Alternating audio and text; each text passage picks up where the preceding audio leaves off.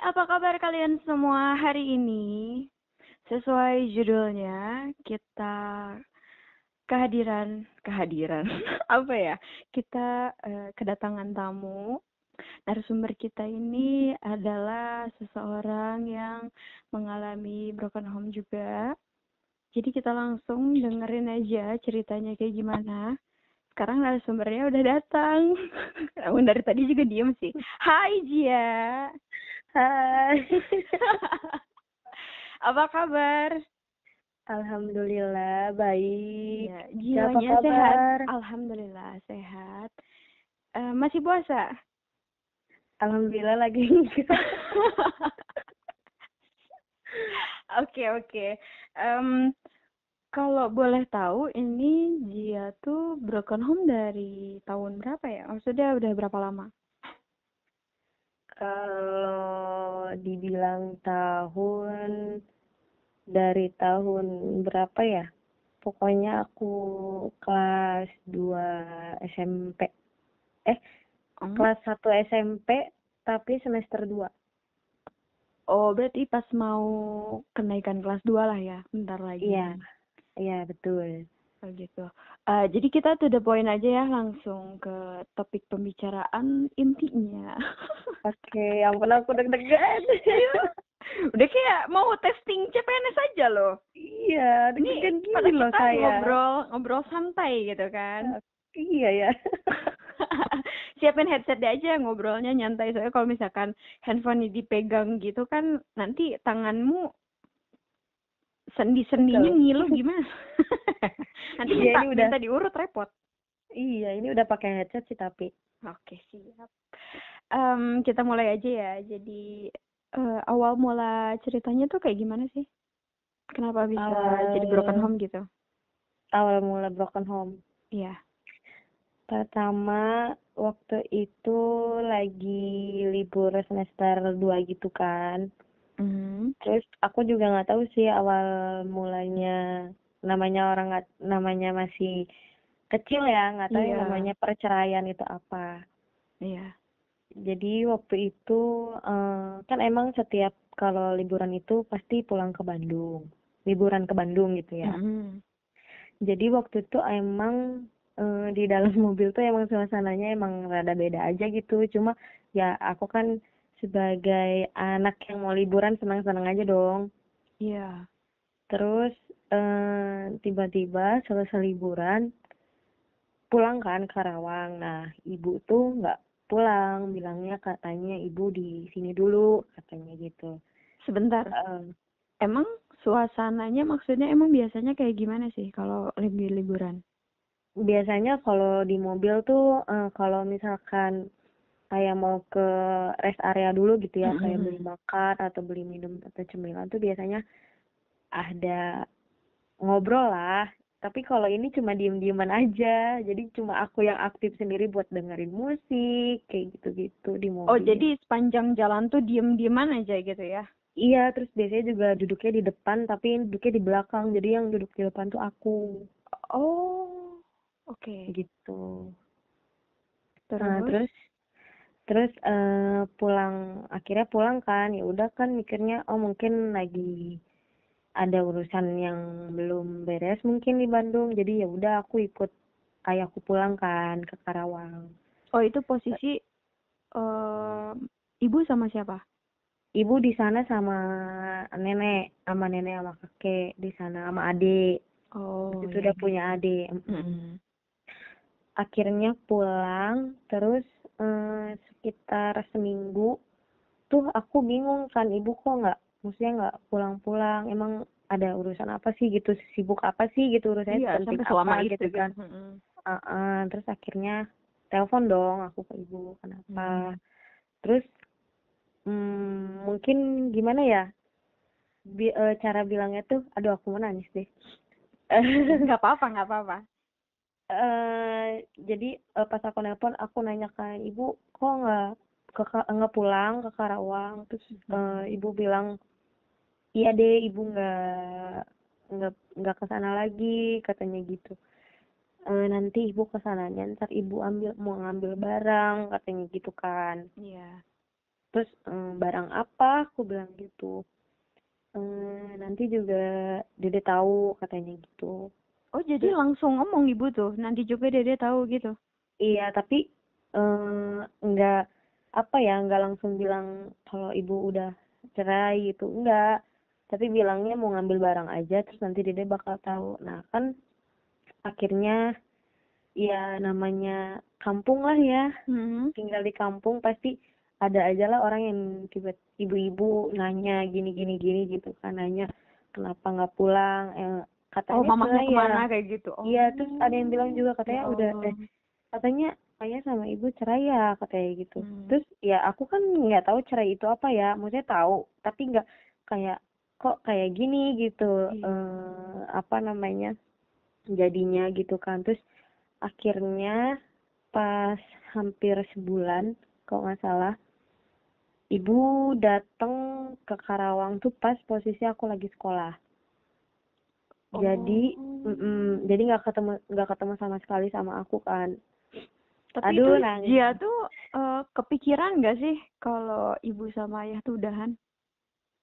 awalnya sih enggak karena mm, mikirnya oh, mungkin lagi berantem gitu kan soalnya kan emang emang ibu kan sama ayah tuh kalau berantem tuh nggak nunjukin ke anak-anaknya kan Oh iya iya iya. Jadi kayak paling cuma diem-dieman ntar juga baik lagi gitu jadi ya anak-anaknya tuh nggak pernah ada yang tahu kalau mereka berantem atau apa nggak ada yang tahu Hmm. Eh, terus udah gitu sampai akhirnya pas ke Karawang itu ngambil barang pas pulang pas aku pulang sekolah aku ngeliat Mhm. barang di kamar ibu tuh kayak baju ade baju baju baju ibu gitu udah nggak pada ada gitu kan terus itu kan masih ada almarhum nenek aku ya di Karawang Iya. terus aku nanya ehm, kataku eyang ini kok baju eh, di Ican sama ibu kok nggak ada iya tadi ke sini ngambilin barang aku bingung dong kenapa kok diambilin semua gitu kan kayak semua lah perabotan perabotan kayak Bener-bener semua gitu, semuanya semua. gitu. bener-bener semua bener-bener semua terus akhirnya eh, aku telepon ibu aku tanya ibu di mana? Lagi perjalanan mau ke Bandung lagi gitu kan. Terus aku bilang kenapa nggak nyamperin dede dulu? Mungkin ibu mikirnya nggak mau ganggu aku sekolah kali ya. Iya. takutnya kepikiran atau gimana. Terus eh kataku kenapa nggak nyamperin dede dulu? Katanya eh iya kan dede lagi sekolah nanti ibu ke Karawang lagi ya Hmm. katanya gitu. Terus nanya dong akhirnya kenapa semua barang-barangnya dibawa emang ibu nggak mau tinggal di Karawang lagi kenapa gitu kan Iya.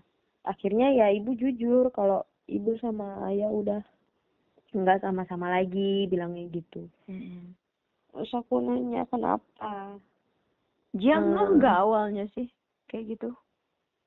Nggak nggak Eh, sama sekali. enggak sih karena kan mikirnya kan kayak ya udahlah paling cuma berantem doang gitu kan Hmm. sampai bilang nggak sama-sama gitu Iya. Terus terus. Ah, terus eh, akhirnya eh, bilang udah nggak sama sama ayah lagi katanya gitu dede tinggal sama ayah aja karena kan masih sekolah katanya gitu Hmm. nanti kalau mau liburan ke Bandung katanya gitu kan ya sedih sih kan pas dibilang udah nggak sama-sama lagi tuh maksudnya apa udah pisah kah atau apa gitu kan terus atau apa kan nggak tahu masih ya masih anak kecil lah belum Iya. ngerti Nggak paham iya. Hmm, nggak paham kayak gitu-gitu akhirnya hmm, setelah cerai setelah telepon kayak gitu karena kan mungkin masih mikirnya kan masih ada yang eh, ngurusin aku gitu al- almarhum nenek gitu kan Iya. jadi aku mikirnya nggak terlalu sedih banget lah gitu toh aku juga ntar liburan bisa ke Bandung bisa ketemu ibu gitu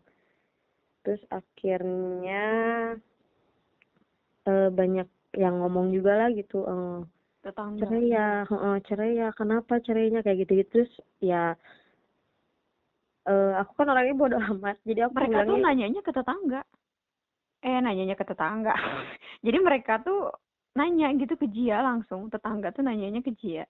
iya jadi waktu pas ngambil-ngambil barang tuh pada ke rumah pada ngeliat anehnya Ya tuh pada ngeliat ngeliat gitu rumah sih? aku tuh kosong mungkin ya kamarnya Oh. aneh kali gitu Mm. terus katanya ngambil barangnya tuh pakai truk yang gede gitu loh oh gitu jadi makanya iya mungkin karena banyak juga kali ya Iya. barang-barang ibu jadi pada kaget kali maksudnya ngambil barangnya sebanyak Oh, itu iya kalau mau pindahan kok nggak sama suaminya mungkin gitu kali ya. Heeh, ya udah jadi pada bilang ehm, katanya cerai ya terus katanya gara-gara ini ya gara-gara itu ya gitu kan.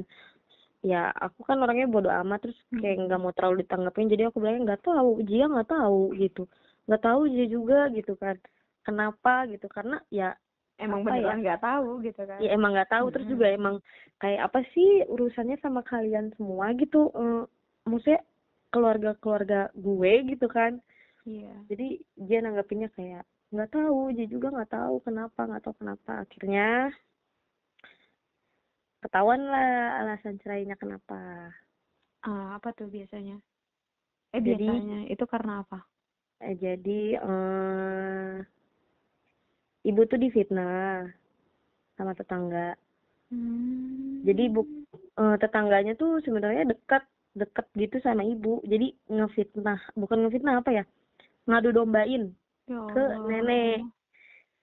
ke nenek. Jadi, Jadi dia tuh eh, provokator gitu. Iya, nah ibu tuh nggak tahu kalau dia ngadu dombain. Karena ibu mikirnya dia baik gitu kan. Kayak kalau siang eh, dia jadi anak dia tuh sama dia tuh satu kelas satu kelas Ya malah. Terus terus terus. jadi eh, dia ngefitnah ngefitnah ibu Jia katanya kalau ibu Jia tuh main dukun gitu main dukun terus sampai katanya kan eh, waktu itu Emang main eh, dukun mau ngapain katanya? jadi katanya eh, jadi eh, si tetangga itu tuh bilang kalau eh, ke nenek ke almarhum nenek kalau ibu tuh udah tahu eh, apa kapan eh yang aku yang laki-laki eh, yang kakung kapan meninggalnya dan kenapa tuh gitu katanya. Jadi main dukun tuh pengen tahu kapan meninggalnya eh, yang kakung aku kapan meninggalnya yang putri aku kayak gitu. Terus yang aku yang nggak aku habis pikir hmm, mungkin karena kayak kaget gitu ya mungkin eh, ada yang bilang ibu main dukun kayak gitu. Padahal jadi jadi nggak jadi jadi nenek mm, yang putri aku tuh kayak udah emosi gitu dengarnya terus jadi kayak nggak mikir kan ibu selama ini di rumah aja gitu mau maksudnya mau ke dukun tuh mau ke mana? Dan bawa motor pun nggak bisa gitu kan. Hmm. di rumah aja lah paling kalau keluar juga ke tukang sayur ke rumah dia tuh yang yang ngefitnah itu Nggak jauh-jauh gitu kan. eh, udah akhirnya eh, difit difitnah gitu. Terus yang bilang ke ayah terus ayah marah. Terus ya mungkin mereka cekcok. Cekcoknya mungkin udah lama nggak tahu lah ya. Hmm. dan ada di ada salah satu eh apa namanya saudara tapi saudara jauh gitu.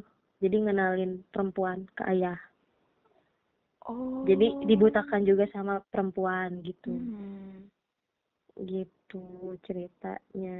Ya udah deh jadinya eh apa ya udah mah difitnah terus ada yang ngenalin perempuan juga. Iya, godaan hubungan rumah tangga memang sulit berat ya. banget. Iya. Ya udah akhirnya gitu deh Terus dampaknya ke Jia waktu pas tahu kan orang tua udahan gitu gimana? Hmm, dampaknya eh dari sekian teman-temanku yang ada yang broken home juga ya Mhm. aku ngelihat mereka kayak ada yang mabuk ada yang rokok parah ada yang mabuk parah terus sampai ada yang hamil duluan terus eh aku mikirnya gini mereka kan broken home nih tapi Iya. kok mereka kayak nggak mikir ke diri mereka sendiri sih gitu kalau jujur ya kalau dia tuh kan Mhm. eh, gengsinya gede banget ya kalau dia Iya. jadi dia tuh nggak mau kayak mereka karena menurut dia kalau misalkan dia kayak gitu bukan diri dia aja yang malu jadi orang tua juga pasti bakal malu Iya, betul. Jadi eh, gimana caranya? Emang sih stres banget dong ya. Gimana sih diomongin sana sini soal cerai kayak gini-gini terus eh, tahu ayahnya dikenalin sama cewek lain ya stres lah ya. Iya. pusing gitu kayak ngapain sih hidup lagi? gitu. Kadang oh jadi waktu awal-awal tuh mikirnya ngapain sih gue hidup lagi tuh? Orang tua gue cerai.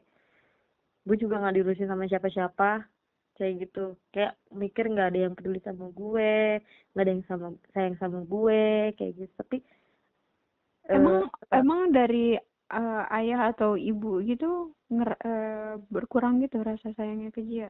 Maksudnya Jia ngerasa eh, orang tua kayak udah gak ada perhatiannya lagi gitu. Iya, karena eh, ayah kan sibuk kerja. Terus semenjak dikenalin sama perempuan itu jadi kayak Mhm. teleponan terus sama cewek itulah. Jadi Gitu, nggak kalau- ngurus anaknya. Mm-mm. Kalau ibu kan ya komunikasi sih, tapi nggak nggak lancar kayak ya kalau lagi komunikasi-komunikasi, kalau lagi enggak enggak kayak gitu. Jadi kayak ngerasa apa sih ngapain Jauh juga gue di jadinya, sini mm-mm. gitu, heeh. Ngapain juga sih gue di sini gitu. Ngapain juga gue harus sekolah bener kadang mikir kayak gitu, tapi mikir lagi ke yang udah terjadi sama teman-teman yang lain gitu kan Hmm. kayak harus bisa buktiin nih gue kalau gue tuh nggak bisa nggak boleh kayak mereka Oke. Eh, gitu. Jia tuh kan bisa kuat kan karena faktor dari teman-teman juga yang broken home juga kan. Jadi Mm-mm. nunjukin kalau Jia tuh beda sama orang lain gitu. Nah, Mm-mm. selain itu, ada faktor lain nggak yang bikin Jia makin semangat eh untuk ya udah, aku tuh harus bener. Justru aku harus bisa ngebanggain orang tua meskipun orang tua aku yang gini adanya,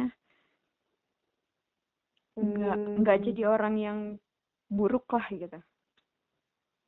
Ada Sebenarnya faktor lain nggak? Hmm. faktor yang lebih kuat tuh dari ibu sih karena kalau ketika lagi down entah masalah percintaanku lah ya dulu terus atau lagi kayak kesel sama ayah atau sama istri barunya ayah Mm-mm. itu aku ceritanya kan selalu ke ibu gitu kan dan ibu tuh selalu kayak ngingetin Oh, istri baru. ngingetin. Ja- Jadi udah nikah, udah nikah lagi itu tuh. iya itu berapa Selang- bulan ya Oh. dua tiga bulan kalau nggak salah Setelah beberapa bulan cerai. ya beberapa Nikah lagi. Berarti itu satu Hmm. rumah ya sama eh, istri barunya ayah. Iya, jadi bentar-bentar. Aku mau cerita dulu deh dari awal deh biar nggak bingung Oke, oke. kenapa mereka bisa nikah gitu kan. Nah, gitu, sip. Ah, Soalnya takutnya pendengar kita kan bingung ya jadinya. iya, iya Gitu. benar-benar. Jadi em, emang kan mereka kan udah teleponan terus gitu kan. Mm-mm. Teleponan teleponan terus ayah juga selalu kayak bilang eh teh kan nggak pernah manggil dede ya, manggilnya Iya. selalu teh. Teh eh, sini ini bunda mau ngomong gitu kan. Terus aku kayak mikir bunda, bunda siapa anjir Iya. gitu kan. Kayak asing banget lah ya. Iya, Soalnya kan bunda bisa siapa anjir? Hmm.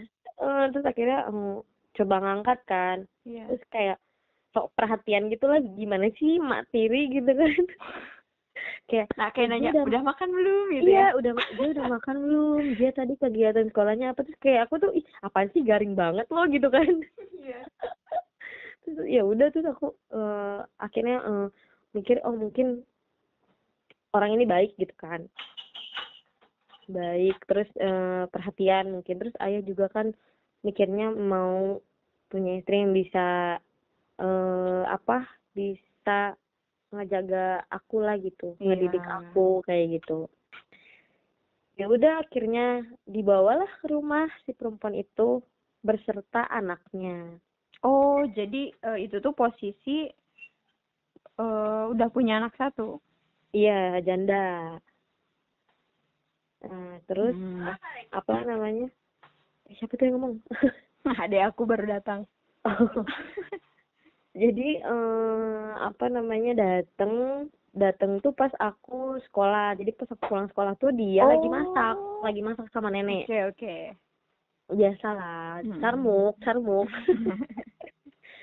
masak Lalu, sama mm. nenek terus kayak bingung kan ini siapa siapa nih orang gitu kan. Iya. main masak-masak aja gitu terus akhirnya ayah bilang "Eh, ini calon ibu Oh, baru calon? teh iya bilangnya calon ibu teteh yang baru katanya Oh. gitu terus akhirnya Kenalan tuh.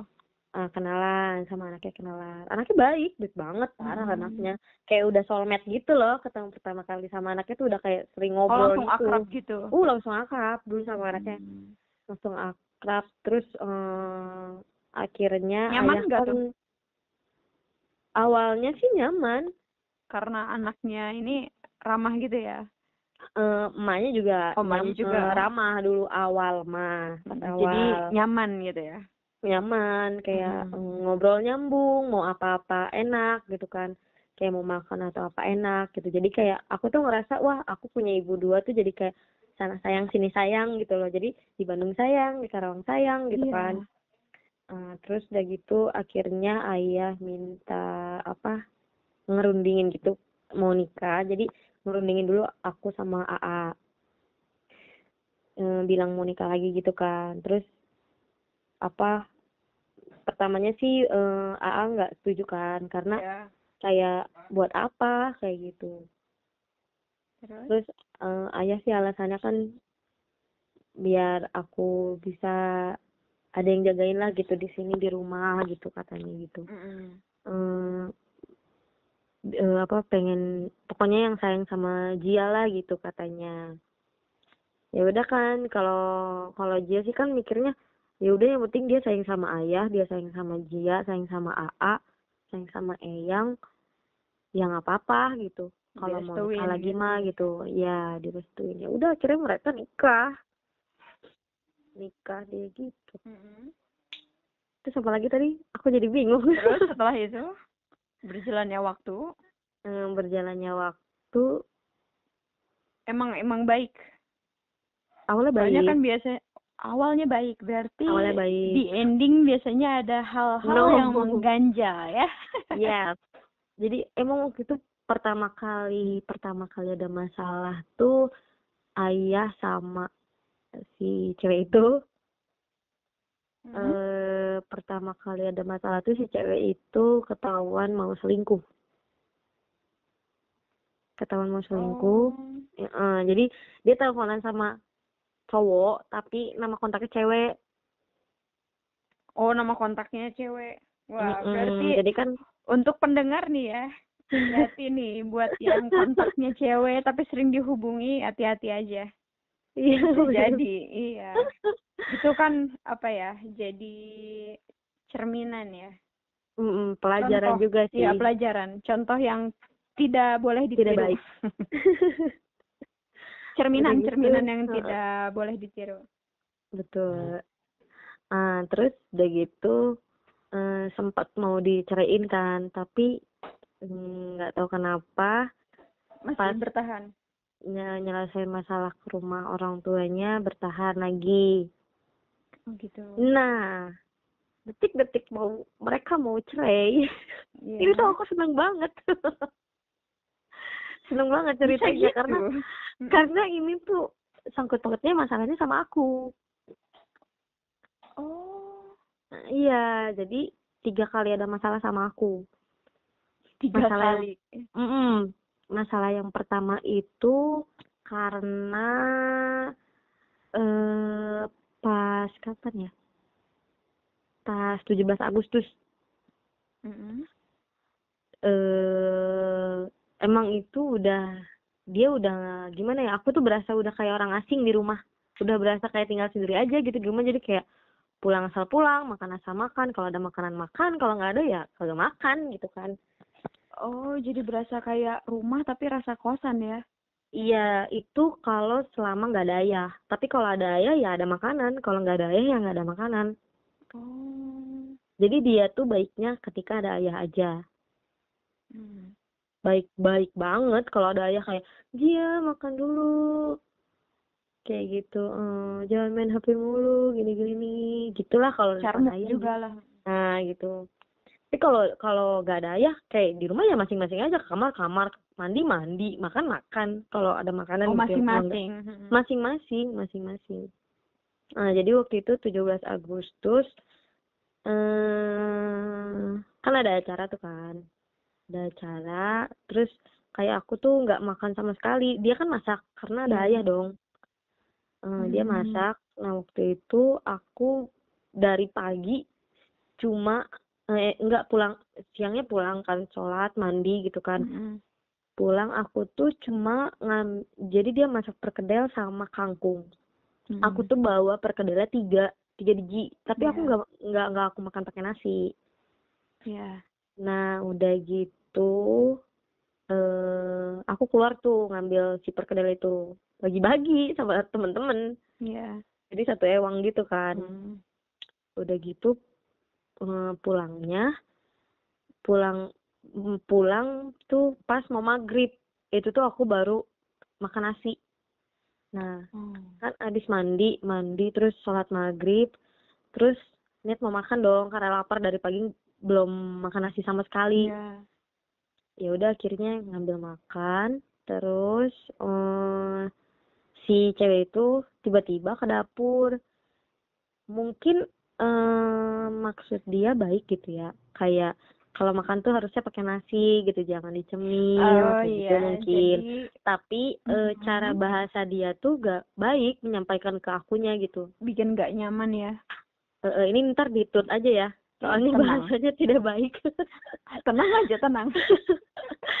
jadi pas aku ngambil nasi Hmm. aku ngambil perkedel aku ngambil apa tuh namanya eh, kangkung Hmm. dia bilang gini oke bahasa Sunda sih kata Iya. dia gini eh, lamun lamun rek dahar teh make nasi atuh nah gitu Hmm. ayeuna dahar deui cenah gitu kan eh ayeuna nyokot deui katanya gitu terus ya aku jawab deh tibang saeutik kataku gitu kan Iya. terus dia jawab dia ngomongnya gini jadi pas aku ngomong tibang saeutik itu aku udah ke kamar kan tapi pintu nggak aku tutup karena kan Ya. aku biasa makan di kamar nggak pernah makan di ruang eh, ruang tengah nggak pernah Hmm. eh, nggak pernah pokoknya selalu ambil makan makan di kamar gitu Hmm. kan hmm, emang pas waktu itu pintu nggak aku tutup Hmm. jadi dia dia langsung ngomong gini saeutik saeutik emang siapa hawak Ha- hawak tuh apa? hawak tuh apa ya rakus Oh. emang emang siapa rakus cenah gitu terus ya aku ya aku mikirnya gini ya maksudnya ya udah sih tuh gue makan gitu kan gak gue Ah. buang gitu kan ya udah Dari situ berantem? Enggak. berantem aku bilang gini nya enggeus ku aing dibalikeun deui kata aku gitu Hmm. aku baru makan satu suap itu Iya. baru makan satu Tapi bener-bener langsung gak dimakan lagi sama Jia? langsung nggak aku langsung lempar ke Ya meja makan Hmm. itu posisi lagi nggak ada ayah ayah lagi sholat di masjid Hmm. aku lempar ke meja makan terus aku siap-siap keluar Hmm. pas banget buka pintu ayah dateng nanya dong kenapa Hmm. ya aku kesel aku bilang aja tanya aja tuh istri ayah kata aku gitu Hmm. kenapa cenah kayak gitu tanya aja udah aja mau pusing udah tuh pas mau keluar terus kata ayah sini dulu sini dulu ngomong dulu sama ayah kayak gitu akhirnya di inilah diomong lah kenapa si Jia teh diapain Oh kayak gitu kan. dirundingin. Hmm. dirundingin terus eh, apa sih namanya akhirnya dia ngomong kata dia eh ya itu cina eh, budak teh makan teh untuk makan nasi dicemau eh dicemil we cina gitu Cem- Mm-mm. dicemil wae cina ya ayah jawab dong nya arek dicemil ke arek dimakan arek dimakan loba ke arek saeutik ke yang penting dimakan daripada Hmm. kapiceun nah Benar. gitu bener dong ayah ngomong nggak Iya. salah dong ya emang daripada lu capek-capek masak terus ujung-ujungnya lu buang dibuang Iya, Ya, mending- gak kemakan ya. iya mending di ya nggak apa-apa juga dong kalau mau dicemil juga yang penting kan habis nanti gitu Iya. kan akhirnya udah tuh di situ eh dia cuma diem dia ngomongin kayak gitu dia cuma diem udah itu masalah pertama. Nah dari situ aku udah nggak pernah mau namanya makan di rumah. Bener-bener kalau dia masak aku nggak pernah mau. Kalau ada dia aku nggak pernah mau makan. Nah Tapi dia sering nawarin. enggak udah nggak pernah. Dari situ udah nggak pernah. Tapi masak mah masak. Cuma aku udah nggak pernah mau makan di rumah. Jadi Hmm. kalau lapar makannya ke rumah bibi. Karena kan posisi rumah bibi itu deket lah ya. Iya. deket cuma di belakang rumah lah gitu terus eh, masalah yang kedua adalah jadi waktu itu eh, Devia ya. Devia kan pertama kali kerja. Devia tuh siapa? Devia temen SMA temen kita Ica. Ih, kan aku tuh posisi Oh. jadi oh podcaster gak tahu ya. ya. Oke oke oke oke. Kan yang pendengarnya nggak ada yang eh, nggak tahu Nggak Devia ada- siapa. iya. Jadi eh, Devia itu siapanya kamu? aku lupa. Devia tuh jadi em, jadi Devia tuh sahabat aku waktu aku Mhm. kelas 2 SMA Mm-mm. sampai sekarang Sampai lah sekarang ya. Mm-mm. Nah, waktu itu pas posisinya Devia itu Mhm. baru baru banget kerja.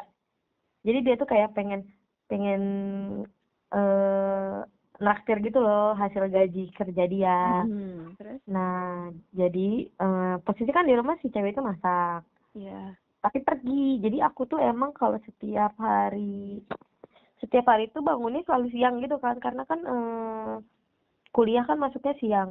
Mm. kuliah masuknya siang nah terus eh, apa ayah tuh nge SMS suruh bangun terus makan katanya gitu terus ya aku aku mau makan karena nggak ada orang itu gak ada Iya. cewek itu terus aku iya kata gitu kan pas aku lihat ke dapur ada apa-apa Mm. Aku SMS dong gak ada apa-apa oge kata aku gitu kan coba katanya lihat di kompor aku lihat di kompor gak ada apa-apa Nggak ada juga apa-apa juga. Terus? nggak ada ya aku mikirnya ya ke mana nih makanan gitu kan emang nggak ada apa-apa gitu kan Iya. Terus? nggak nggak ngada ngada juga kan emang nggak ada terus Iya. ya udah aku bilang udahlah eh, ayah nggak apa-apa lagian dia mau makan keluar mau ditraktir sama Devia makan gitu kan Hmm, ya udah tuh ayah nggak ngebales mungkin eh, ngechat kali ya ke si cewek itu maksudnya makanan kok nggak ada gitu mungkin gitu nggak ngerti Iya. lah Mm. Nah, aku akhirnya keluar, aku tuh pokoknya pulang-pulang tuh nggak pernah langsung pulang gitu. Jadi kadang main dulu di rumah teman yang deket rumah gitu. Jadi Iya. nggak pulang gitu. Karena emang nggak betah, nggak betah di rumah gitu. Apalagi kalau ada orang itu gitu kan. Jadi nggak betah Hmm, gitu. mm-mm, jadi nggak betah. Terus akhirnya pas maghrib, jadi tuh aku tuh pulang karena mau ke kantor kantor travelnya ya Mm. meminta uang buat bikin apa tuh kartu pelajar ATM gitu loh Iya. Eh, terus pas aku pulang tiba-tiba dia bilang gini eh aduh ditut ya Iya. katanya eh siama apa sih siama hayang eh siama resep nempok aing gelut jeung bapak sia katanya gitu. Terus Ya Allah. dia bilang lagi hmm, apa sih pokoknya kasar apa ya? Aku lupa pokoknya dua kata dia bilang gitu. Terus aku jawab aku jawab dong. Iya. kan dia suasia kan? Terus aku jawab ye suasia jadi jalan mata kasar gitu. Hmm. tapi itu posisi aku lagi mundurin motor lagi mundurin motor emang mau ke travel Iya. Eh, terus udah gitu tiba-tiba dia bilang ye sia anjing Ya Allah. gitu terus posisi situ aku masih ada di situ terus ya udah aku pergi aja gitu pergi terus aku Kamu nggak nangis? awalnya sih ya sakit hati siapa sih anjir gitu dia bukan siapa-siapa gue gitu terus dia dengan gampangnya bilang gue anjing gitu Iya. kan. Awalnya nggak mau cerita ke ayah awalnya kayak mau dipendam sendiri aja gitu kan Iya. tapi pas lagi di tempat lagi di kantor ayah tuh ayah tiba-tiba nanya Mm. e, ke sini bilang nggak katanya ke bunda kayak gitu Mm. ya langsung tek dong ke hati dia bilang kayak gitu kayak eh, mikir anjir dia baru aja ngomong gue anjing gitu kan Iya. Ya udah akhirnya bilang lah ke ayah gitu kan kalau eh dia disebut anjing gitu sama si cewek itu Mm. ya mungkin ayah juga sakit hati lah maksudnya eh, kalau anak gue anjing terus gue apa bapak anjing gitu kan terus akhirnya eh, disuruh pulang dikasih uang disuruh pulang tapi dia nggak pulang situ Mm. jadi diem di warung bibi yang dekat rumah Mm. nah posisi si ayah tuh si ayah tuh nggak lama pulang pulang terus dia mikir ini ini kayaknya nggak ada eh, nggak ada perang dunia gitu udah berharap bakal ada perang dunia gitu Iya. kan kira eh, suruh pulang di SMS suruh pulang pas pulang nggak ada apa-apa tuh kayak hening aja gitu ya Iya. akhirnya gak lama tuh saya langsung bilang langsung ngebuka pintu kamar aku Heeh. terus buka pintu kamar anaknya anaknya si cewek itu Iya. Ama buka pintu kamar ayah ayah bilang gini ke anak anaknya si cewek itu Mm. neng katanya ayah pernah nggak di sekolah bilang kamu bodoh kamu tolol kamu anjing kamu monyet katanya gitu kan Ya Allah. Terus? enggak katanya gitu ayah ngelakuin kamu di sekolah seperti anak ayah sendiri kan katanya gitu Hmm, terus? Oh satu sekolah.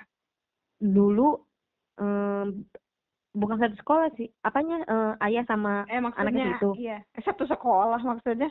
eh, dia sekolah di sekolah ayah. Oh oke oke. Ah, ah. jadi eh apa sih namanya? Udah tuh kan diomongin kayak gitu enggak katanya gitu.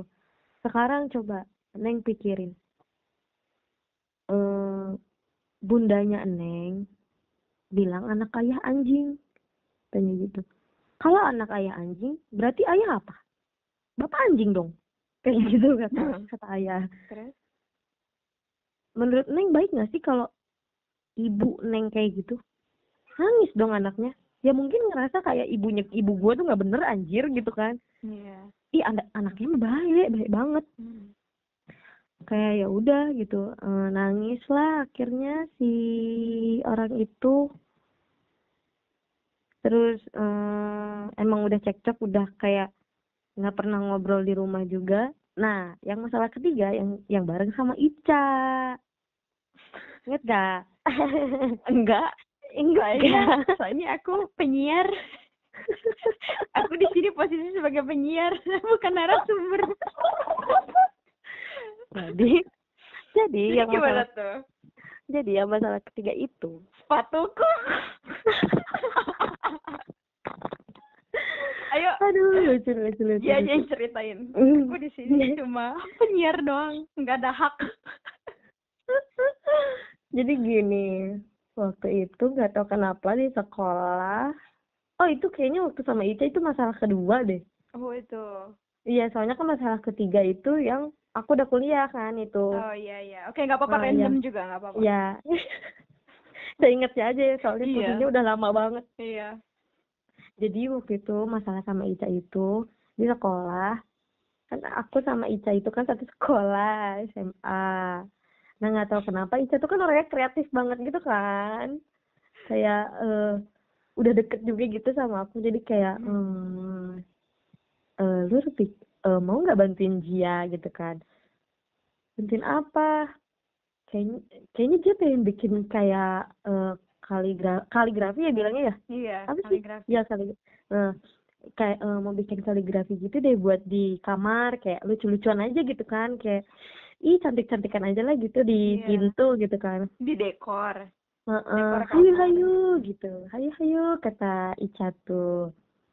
Akhirnya eh, pulang sekolah belilah kita styrofoam terus Mhm. apalagi ya waktu itu Eh, lem, kertas, apalagi sih lupa ya aku. Beli cutter, kertas kado. Oh iya itu pokoknya kita beli. Kertas kado belinya yang Doraemon. Iya beli yang Doraemon. Harus banget nyari yang Doraemon. Betul Hmm. karena anak Doraemon banget. Iya. Terus terus. udah gitu akhirnya udahlah kita akhirnya pulang ke jadi nganter Ica dulu ganti baju Hmm. ganti baju akhirnya ke rumah dia kira kita bikin tuh Oh dari jadi itu posisi siang. pulang sekolah ya? Iya posisi Hmm, pulang Pura-pura sekolah. gak tahu. Terus dari siang dari Hmm. siang sampai eh, mau maghrib lah kalau nggak salah hmm. jadi kita eh, bikin gitu kan kaligrafi sampai tangannya Ica tuh berdarah gitu guys buat bantuin gue bisa berdarah? doang Ya Allah. iya karena ngituin ya. styrofoam gitu Coba coba ceritain deh kronologi eh, detik-detik tangannya berdarah tuh gimana tuh?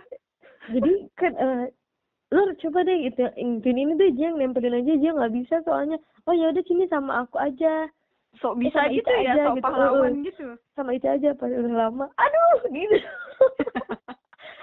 kenapa kata dia gitu kan ya berdarah sudah berdarah tuh kita tuh berdua bukannya kayak kaget gimana ini malah ketawa-ketawa ya berdarah tangan aku dia gitu ya Allah kata So Ya udah, akhirnya- banget ya. Ini Akhirnya sama Ica aja. Siapa sih si Ica? Iya. So Ih, pahlawan tapi siapa banget. sih? siapa sih si Ica teh akhirnya udah tuh kita selesai maghrib lah ya Oh, Maghrib. Oh, maghrib. Mm-mm. eh sebelum sebelum maghrib Mm-mm. Karena takut dimarahin sama nenek Ica ya dulu teh Iya. Heeh. Sama nih. akhirnya Heeh, Mak Nin. Akhirnya dianterin pulang lah Jia. Eh, Jia nganterin Ica pulang maksudnya. Kembali nganterin Ica pulang. Terus posisi emang lapar, pengen minta duit kan. Jadinya ke kantor ayah. Iya. Kantor ayah. Udah gitu pas udah dikasih uang terus suruh pulang. Tiba-tiba si kaligrafi yang udah disim yang udah ditempel Oh iya, ngilang ya. mungkin. Uh, bukan ngilang lagi, dibanting cuy. Oh iya dibanting. Jadi kan udah ditempelin di Iya. apa di pintu, udah secantik mungkin lah ya tulisannya tuh Assalamualaikum sama Nafisa Fauzia. Iya. Udah cantik banget, udah ditempel. Pas nyampe rumah pulang, jeng jeng, nggak ada. Yang udah ditempelin serapih mungkin itu ya. Yes. Terus pas buka pintu kamar, tiba-tiba ada geletak di bawah lantai. Oh, di balik pintu. Di dalam Iya, di kamar balik berarti pintu. ya. Mm-mm. Terus dia mikir, anjir gue salah apa sih gitu ya. Hmm. Terus apa lu, maksudnya, eh, Mungkin copot kali. Jatuh. ntar lu, denger dulu, denger dulu. Oke. Jadi pas dia mikir, anjir gue salah apa ya sama tuh orang, Hmm. sampai kayak gini. Temen gue sampai tangannya berdarah-darah buat bantuin gue terus diginiin gitu kan Hmm. mikirnya. Kayak anjir ngapain juga lah gue di sini capek gitu kan. Dibikin sakit hati mulu gitu. Akhirnya Iya. ngambil uang ngambil uang yang udah ditabung Hmm. terus eh, niatnya mau kabur itu udah bawa baju coba ya udah bawa baju udah udah kayak, rapi-rapi. "Anjir, iya udah sakit hati banget tapi Hmm. ke tapi tapi dia tuh ke bintang alam dulu Iya. ke bintang alam ke rumah teman Hmm. nangis gitu nangis kejar banget kan karena kayak anjir sakit hati banget gue diginiin gitu gue salah apa sama tuh orang gitu Iya. kan maksudnya kalau udah mau masing-masing di rumah ya udah masing-masing aja gitu jangan ganggu apa yang gue kerjain gitu Mm-mm. sama teman-teman gue atau apa gitu kan Iya. Setelah itu akhirnya mikir lagi kalau gue pergi kalau gue kabur merdeka dong tuh orang di rumah akhirnya min Oh. Mm-mm. akhirnya minta antar teman buat ke kantor ayah. Dan ya udah bilang gitu kan. Bilang eh, apa sih namanya? Udah bilang terus mungkin ayah langsung SMS kali ya ke tuh orang. Tuh orang nyamperin ke kantor. Padahal udah bilang nyelesain masalahnya di rumah aja malah ke kantor. Ya tahu gitu ada karyawan ayah juga kan. Iya. bikin malu lah pokoknya bikin malu tuh orang udah gitu udah terus em, dia dia ngomong gitu gimana sih kalau orang yang lebih da- lebih tua terus kayak nggak menco- mencontohkan lebih ngomongnya nggak mencontohkan baik ke kita kita juga jadi ngelawan dong Iya. jadi kayak lu aja nggak baik gue juga bisa dong gitu kan namanya Iya. juga anak gitu kan nyontohin yang lebih tua Iya. terus eh, akhirnya nyelesain di rumah nah dia alibinya kalau itu jatuh Hmm. bilang kayak jatuh katanya gitu ngebenerin terus aku bilang gini kalau jatuh ngebenerin emang nggak bisa disimpan di kasur ini dilempar gimana sih posisi orang posisi barang dilempar beda sama orang yang naro Iya. ngerti kan kalau misalkan emang dia mau naro di lantai juga pasti posisinya rapi dong Iya. Kayak udah dipegang sama dia Oke, dia oke. Masuk lagi. dilempar Iya, iya, Nah, iya, iya. dia lempar terus aku bilang kalau emang misalkan emang itu jatuh kata dia "Eh, bisa dong disimpan di kasur kenapa harus simpan di lantai dengan posisi berantakan Hmm. itu disimpan apa dilempar diem dia di situ terus kan dia uang aing uang aing gitu kan ngomongnya ya sia cenah Oh, itu posisi di kantor. enggak di rumah udah di oh, rumah iya. Akhirnya akhirnya pulangkan ke rumah Hmm. dia bilang gini ya sia cina sama babaturan sama teman-teman sia gandeng cina gitu ya nggak terima dong aing Ya Allah. aing gini oh ya kan iya ima aing gitu kata dia ya Hmm. ini kan ima aing mau aing bawa teman se RT pun tuh masalah dah ima aing sia di Iya. sini numpang kata dia gitu kan dia mah numpang Oke. kata dia kata dia gitu kan. Hmm. diem lah dia. Dia diem terus ayah bilang kata ayah gini udah udah udah cina. Sekarang mah gini cina kayak gitu. Eh didinya ge salah cina. Da budak teh salah dong lamun bikin arek bikin kaligrafi sagandeng mungkin jeung babaturana da imah imah imah. Arurang cina katanya gitu. Lagian kunon si budak yang kreatif cina katanya gitu Hmm. udah diem gitu ya emang gak salah dong ya kan pengen Iya.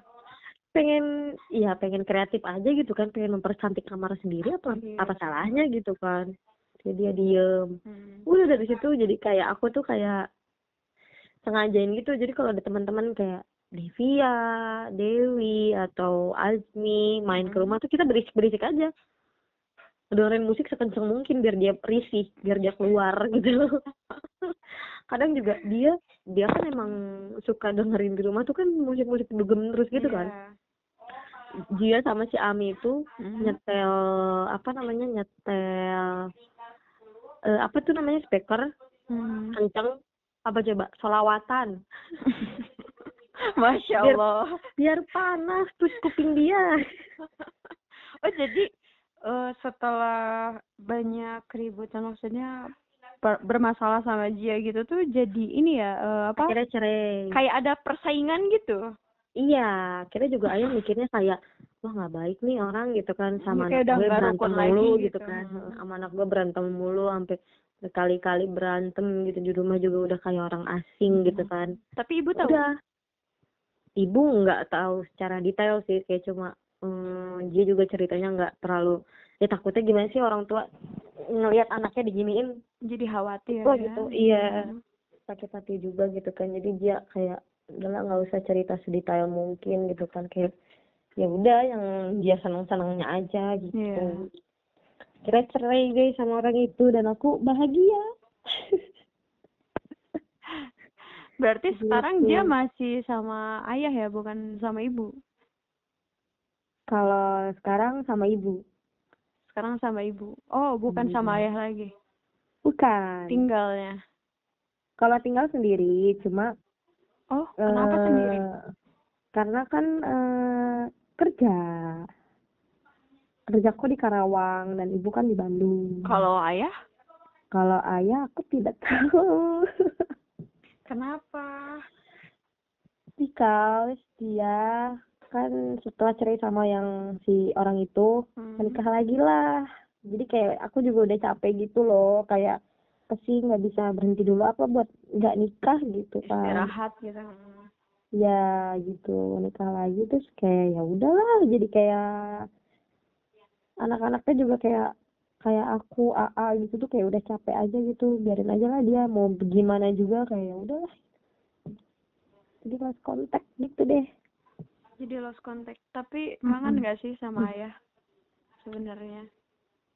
kalau Sama ibu. dibilang kalau sama ayah dibilang kangen sih sebenarnya kangen masa dulu waktu sama ibu sih karena kayak ya harmonis aja gitu dulu mah kalau sekarang tuh kayak nggak terlalu begitu kangen karena banyak sakit hatinya juga sih Apa hal yang kamu kangenin dari seorang ayah?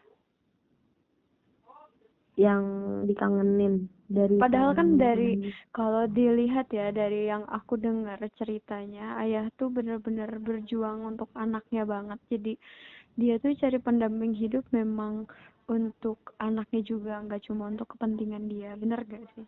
Saya eh dilihat dari susah senangnya anak tuh itu nomor satu gitu kan.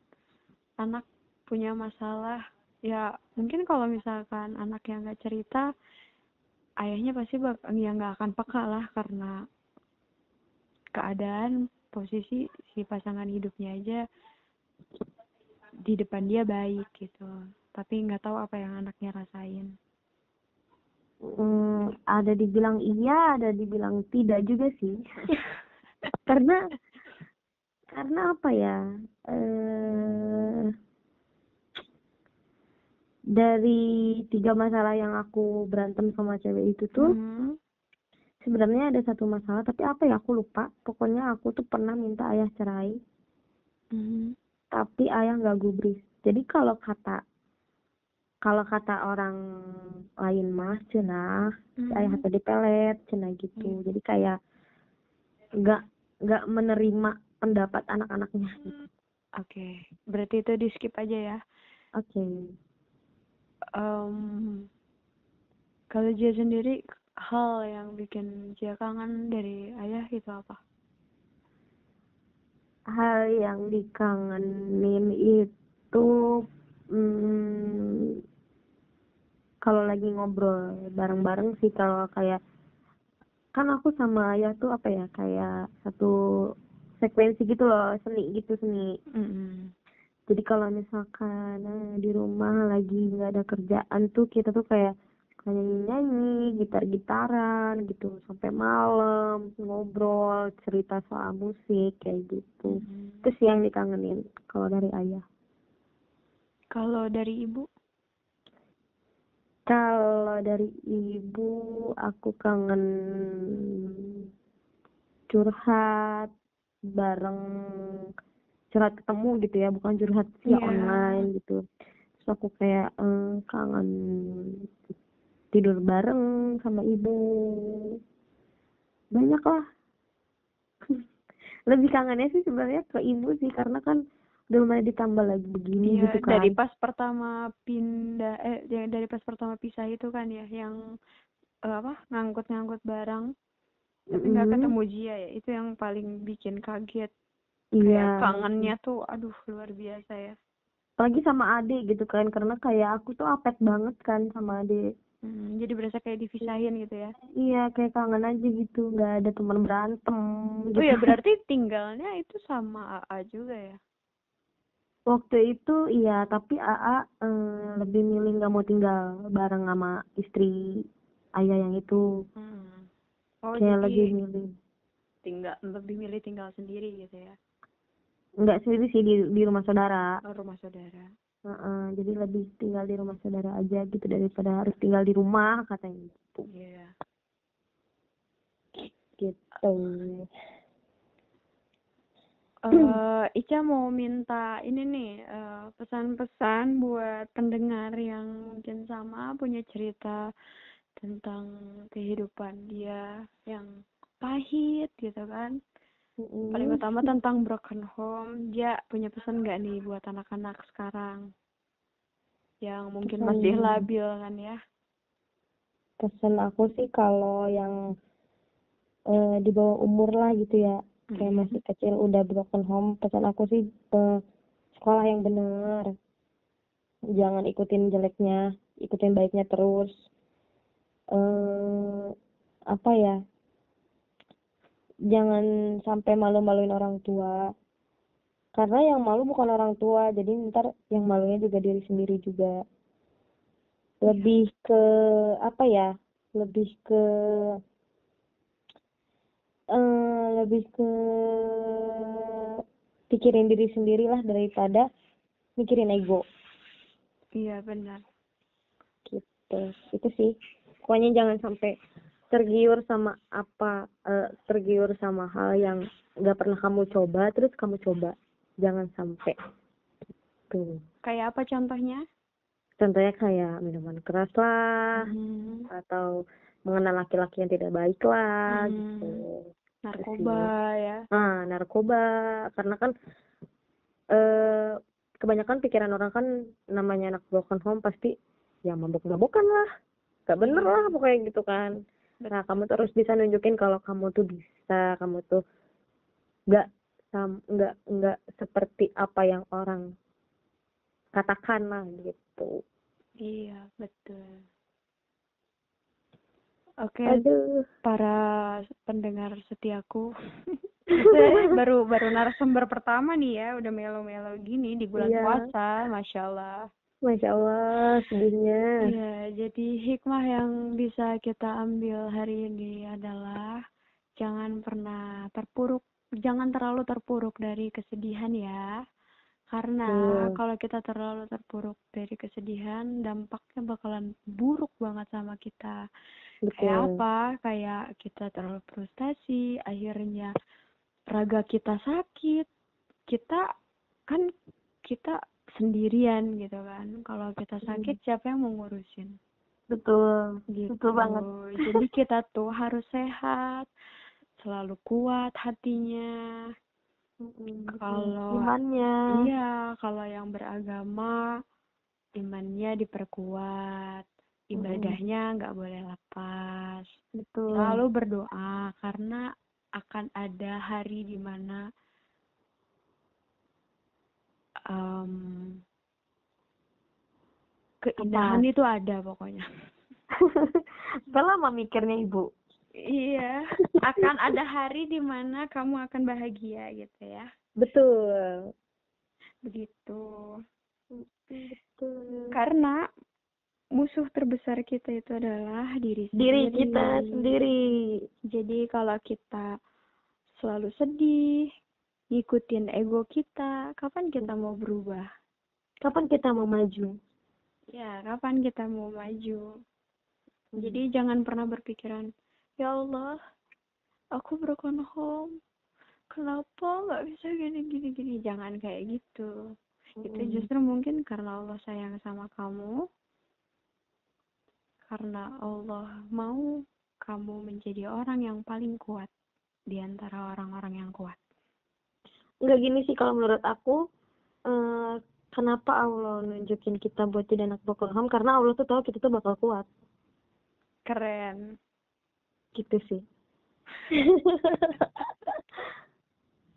Iya. jadi jangan pernah mikir kalau kenapa sih harus gue yang broken home kenapa nggak orang lain Oke. Dia 2020. Dilan kali ah Iya betul. Eh tapi emang bener kan?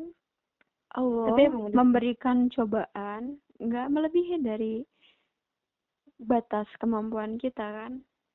iya pasti Allah tuh ngasih cobaan buat kita tuh karena Allah tuh tahu kita bakal Kita bakal tuh kuat kita ngelakuin pasti itu. kuat Iya. gitu Justru kalau misalkan mikirnya sampai ke bunuh diri malah itu bener-bener pendek banget dan makanya. Allah kenapa nggak suka sama orang yang bunuh diri itu tuh kayak orangnya kok nyerah sih baru dikasih segitu doang gitu loh kata Iya, Allah tuh ya enggak betul. sih Mm, mm, mm, Ya, mm. kata Allah tuh aku tuh sayang sama kamu dikasih cobaan segitu aja kok nyerah gitu Iya, benar bahasanya gaul banget ya gaul banget tuh Ya kita Aduh. ngobrol nyantai aja ya. Jadi buat Iya, yang aja. Buat ya eh, buat para pendengar jangan sampai salah paham sama apa yang kita eh sama apa yang narasumber ceritakan, apa yang kita utarakan. Kita ambil hikmahnya, buang jauh-jauh kejelekannya. Jadi kita harus selalu berpikir positif, berpikir positif atas apa yang eh dialami oleh kita. Jadi apa pun itu, apa pun yang terjadi, kita harus bersyukur, betul? bersyukur betul Ya, jadi jangan lupa bersyukur. Kalau kamu masih dikasih nafas, itu artinya perjalanan kamu belum selesai. masih panjang Iya, masih panjang. Jadi sekarang eh, Jia menjalani hidupnya bagaimana? Alhamdulillah aku bahagia banget aku sekarang udah walaupun masih tinggal di kontrakan aku udah Hmm. punya motor Mm, Jadi aku udah merasa aman ya, tetap merasa aman. Iya. tenang. dan juga eh, pastinya support dari teman-teman dari pasangan dari ibuku jadi aku bisa seperti Jadi ini. Aku mau nangis. ya pokoknya support dari semuanya juga aku Iya. kayak no pantang menyerah Kamu sekuat itu. enggak aku enggak sekuat itu aku pernah rapuh kok tapi aku bisa bangkit kembali Nah, denger tuh teman-teman. pasti pasti kan eh, semua orang kan pasti punya sisi rapuhnya dong nggak Iya, mungkin betul. kayak kuat terus tapi ya dari sisi rapuhnya harus harus bisa bangkit lagi gitu Iya. oh, guys Kalau Bijak bisa banget gak sih gue? ya gak apa-apa lah namanya juga narasumber harus bijak Oh, sama betul, kata-katanya. Aku juga bahkan sampai mikir gini, oh iya aku lupa belum naruh quotes yang orang-orang broken home. Kalau aku nyalain data kayaknya nggak akan bisa soalnya kan telepon biasa bukan iya internet. bener Ya, jadi sedih ya udahlah apa yang ada di otak aku aja aku utarakan. tuh Sebenarnya nggak semua orang bisa ya untuk menghadapi hal ini, tapi Mm-mm. karena kamu orang terpilih, karena kamu yang dipilih oleh Allah untuk menghadapi cobaan ini, berarti kamu itu orang hebat, orang luar Hebat. biasa. betul Jadi jangan menyerah, jangan terlalu terpuruk. Nangis boleh, nggak ada yang larang.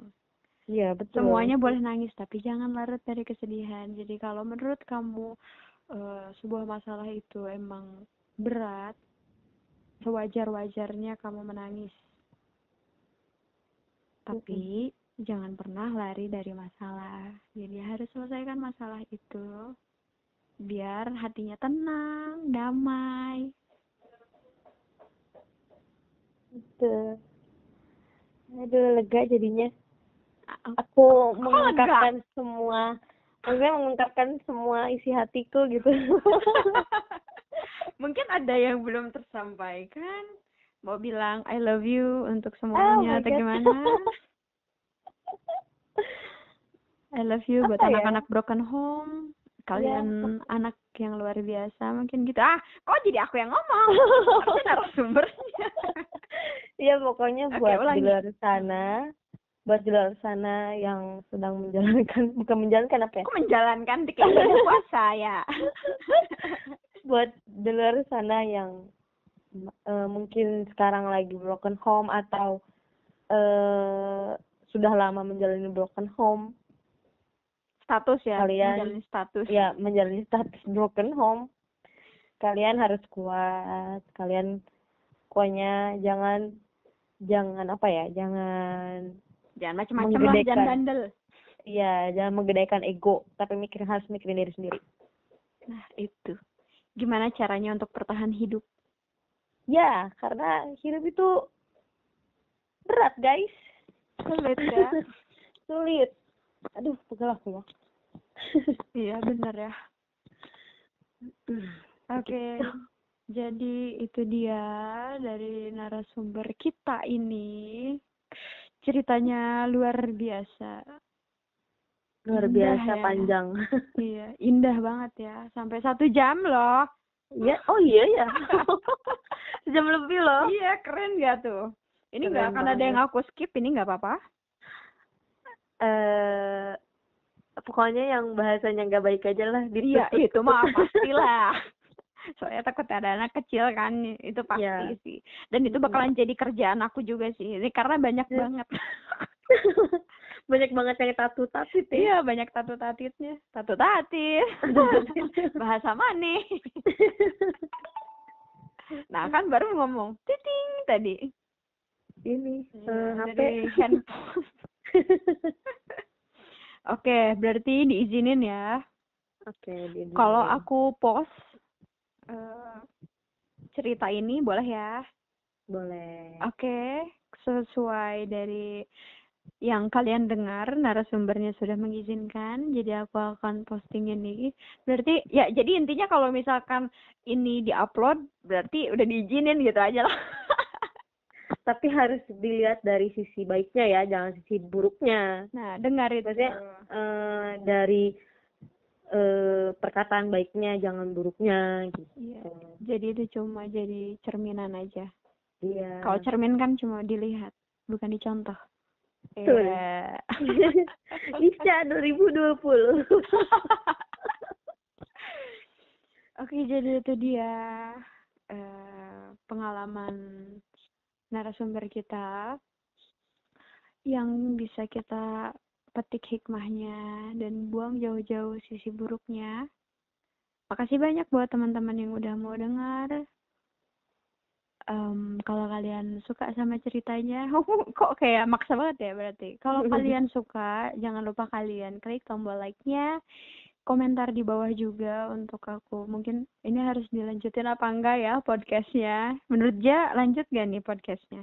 Berguna nggak? Menurut menurut aku sih lanjut karena kan banyak cerita orang di luar sana yang mungkin punya uh, setitik hikmahnya gitu.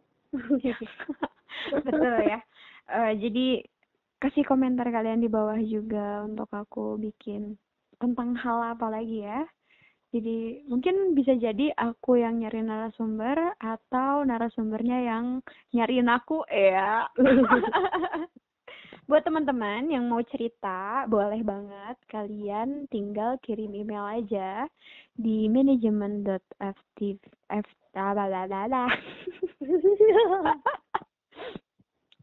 Buat teman-teman yang mau cerita ke aku, entah tentang percintaan, tentang keluarga, tentang hijrah atau apa pun itu yang mungkin bisa dipetik hikmahnya mungkin bisa dilihat cerminan ataupun sebuah contoh yang dapat membangun kita semua kalian bisa ceritakan ke kirim aja ke email aku di manajemen.ftim@gmail.com kalian tulis di judulnya tentang apa yang mau kalian ceritakan dan jangan lupa kalian sertakan nomor handphone.